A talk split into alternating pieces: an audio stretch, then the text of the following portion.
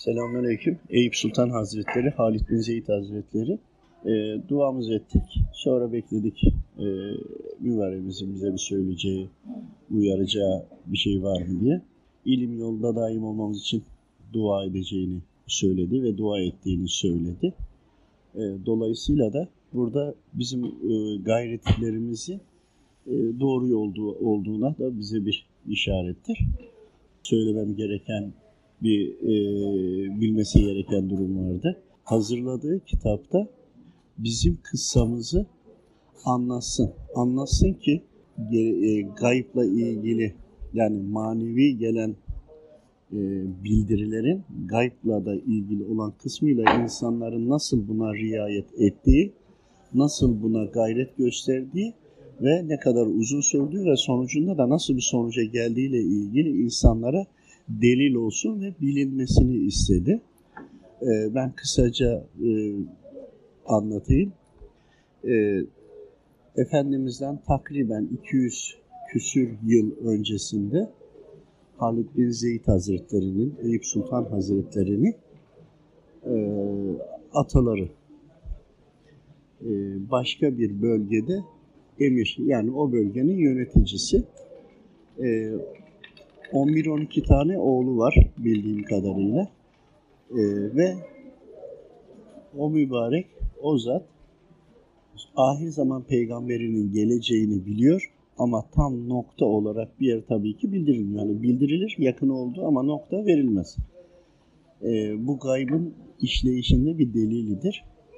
E, gelebilecek yerleri manevi olarak muhtemelen aldığı bilgileri ki o zaman geçerli olan din Hristiyanlık.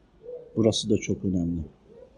Ahir zaman peygamberi gelmediği için, Efendimiz Aleyhisselam gelmediği için o andaki anayasa İncil'e göre ama İncil'in orijinaline göre.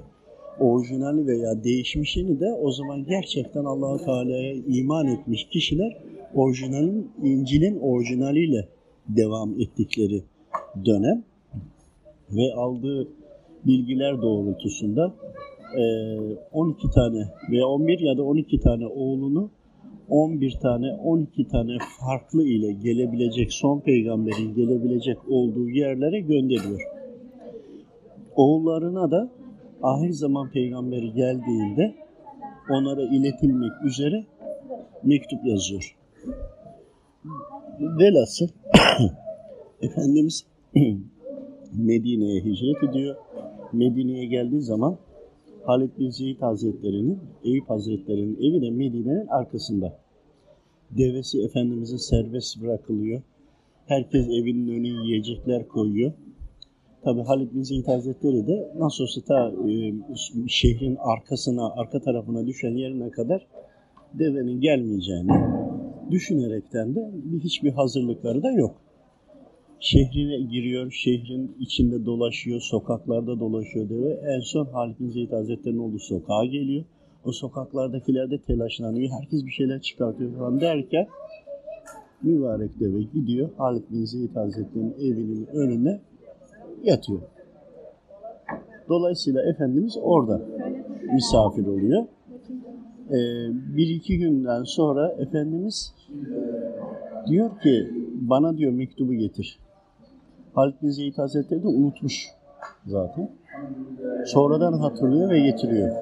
Mektubun içerisinde de mübarek ta zamanı yazmış Efendimiz'e mektup. Ben sizin zamanınıza yetişemeyeceğim ama ben size iman ediyorum diye imanını ve tasdikini bildirmiş.